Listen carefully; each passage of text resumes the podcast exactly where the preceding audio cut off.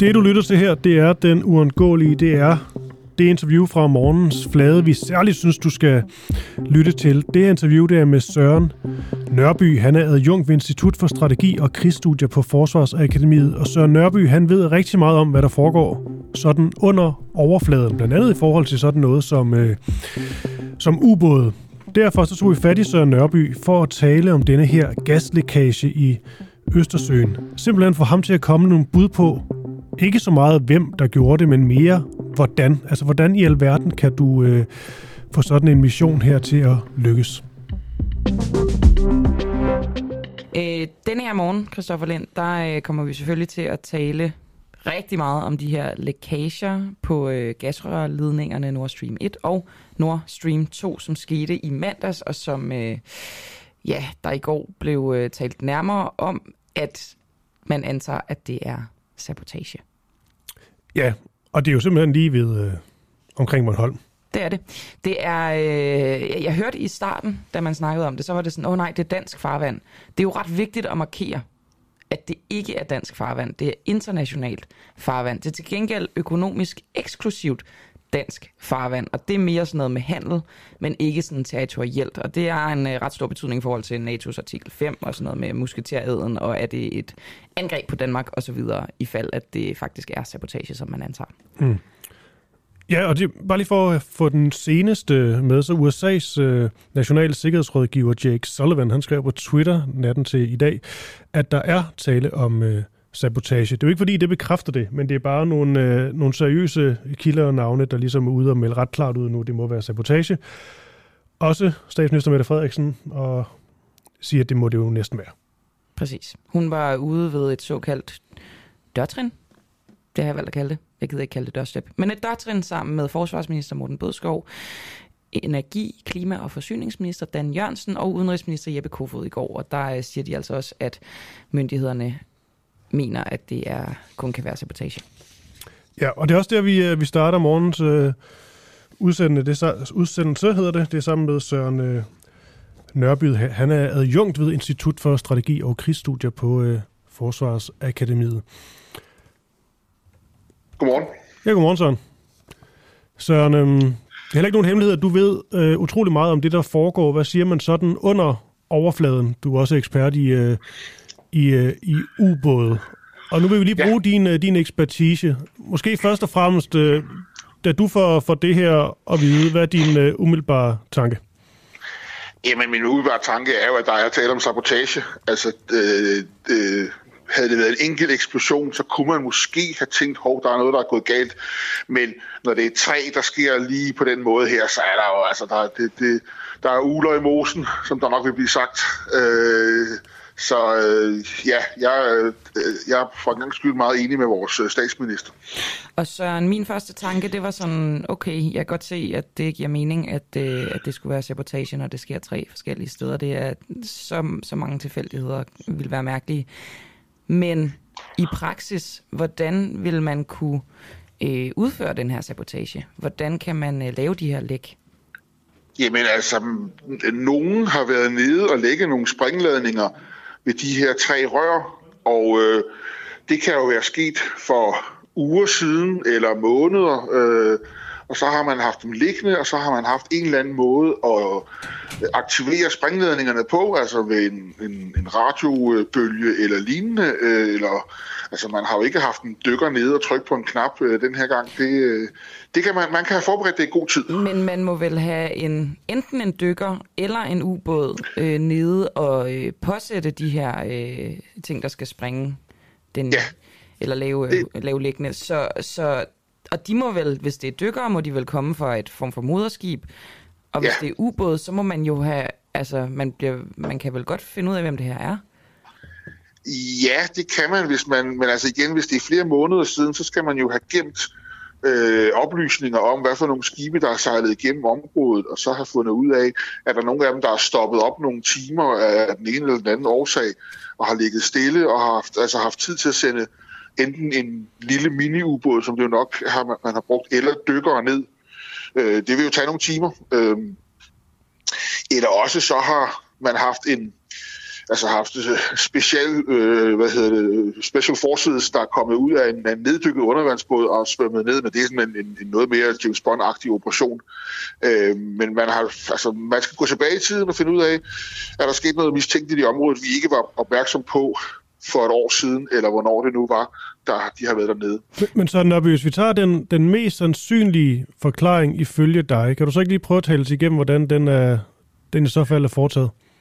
Jamen, den mest sandsynlige... Jo, det skal jeg jo passe på, hvad jeg siger, fordi det, det er jo gæt. Øh, men, men altså, det er der et, et, et skib, der er sejlet øh, forbi, er stoppet op, og har enten sendt nogle dykkere ned, altså sådan nogle øh, folk i frømandsudstyr, eller en miniubåd, der har øh, sejlet ned og lagt en en kasse oven på det her rør, og, og så er den sejlet tilbage igen til moderskibet, og som er sejlet videre, og så har man altså i går eller i forgårs, hvornår det nu skete, øh, sendt en radiobølge, der har detoneret de her bomber. Jeg forstår ikke rigtigt det der med, at du siger, at øh, vi muligvis vil få svært ved at identificere, om der har været øh, de her dykker eller de her ubåde eller et, et moderskib, der har sendt dem afsted. Altså har man ikke massiv overvågning af vores økonomiske eksklusiv farvand? Øh, jo, men jeg, er ikke, jeg ved ikke, hvor længe tilbage man gemmer sådan nogle optagelser øh, af, hvor skibene har, har, har befundet sig. Altså jeg ved ikke, og det er ligesom du ved, et overvågningskamera i en, i en tøjbutik, der gemmer de også kun optagelserne så og så mange timer, for ellers så, så øh, har de ikke plads på deres harddisk til sidst. Jeg ved ikke, hvor længe øh, forsvaret gemmer oplysninger.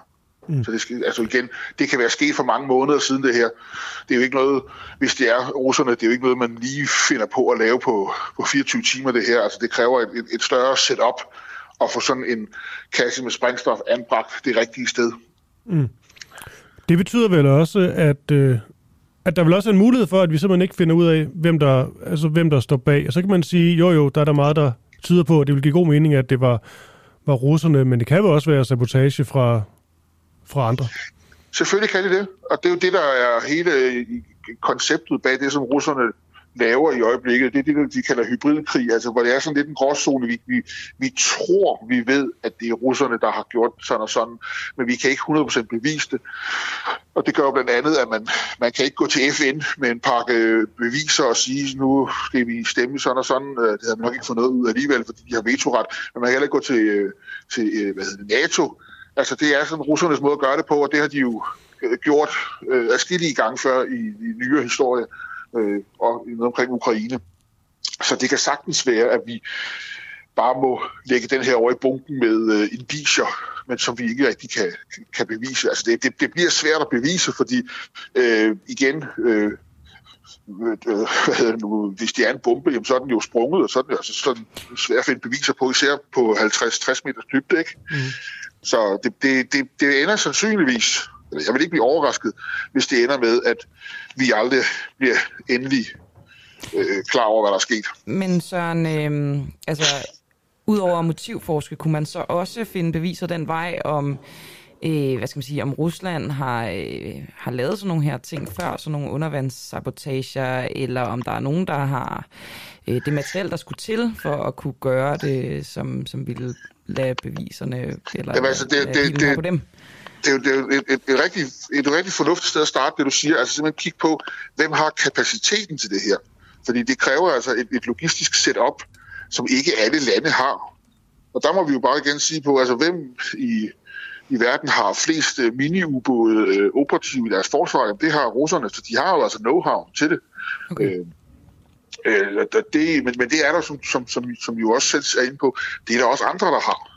Altså, vi i søværnet, eller nu siger vi, øh, kunne jo i bund og grund også godt have lagt en, en bombe dernede, fordi når øh, søværnet sejler rundt ud i Østersøen og, og rydder miner, og det gør de jo stadigvæk, fordi der ligger nogen fra 2. verdenskrig derude, som man stadigvæk finder, jamen så foregår det jo også ved, at når man har fundet en mine, så sender man en mini-ubåd ned, ubemandet mini-ubåd, ned med en lille springledning, som man lægger ved siden af den her bombe, og så springer man begge to på en gang. Men vil man ikke kunne observere, hvis der manglede to øh, øh, bomber, så at sige? Altså, tæller øh, forsvaret ikke, hvor mange bomber de har, og, og hvis nogen lige pludselig... Jo, er, det danske forsvar. Ja, lige præcis. Jo, det, det, det håber jeg, at de gør. At, at de er der, der står bag det her. Jo, jo, men, det, jo, jo, men det, selvfølgelig øh, har danskerne styr på det, men vi har jo ikke styr på, hvor mange bomber russerne render rundt og, og, og bruger. Øh, øh, men, men jeg, altså, jeg vil, jeg, vil, jeg, vil, øh, jeg vil nok spise min hat, hvis det var det danske søværn, der havde stået på det her. Øh, men, men øh, hvad hedder det? Øh, vi, vi har også know-how og teknikken til det, hvis vi endelig skulle gøre det. Men det, det, det som jeg jo mere end antyder, så, så tvivler jeg på det også selv. Mm. Okay, med det så Nørby, øh, ja, vi fik dog til at, til at gætte lidt, men øh, det er også dejligt med, med trods alt masser af ekspertviden, og det er jo øh, fascinerende stof der, trods alt. Du er adjunkt ved Institut for Strategi og Krigsstudie på Forsvarsakademiet. Så Nørby, dit navn. Skal du have en god dag? Det måde. Tak for det. Ja, det her interview sammen med mange andre interviews kan du høre i, uh, i en uafhængig morgen.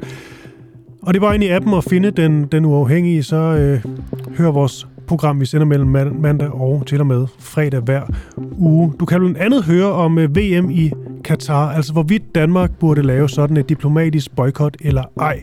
Vi har Søren Søndergaard på fra Enhedslisten, og så taler vi også med Uffe Elbæk fra Alternativet. Altså burde Danmark snart komme i gang med det her boykot? Har lige lyttet til den uundgåelige fra den uafhængige. Tak til vores medlemmer for at gøre det muligt. Du kan støtte kritisk og nysgerrig journalistik ved at blive medlem på www.duah.dk.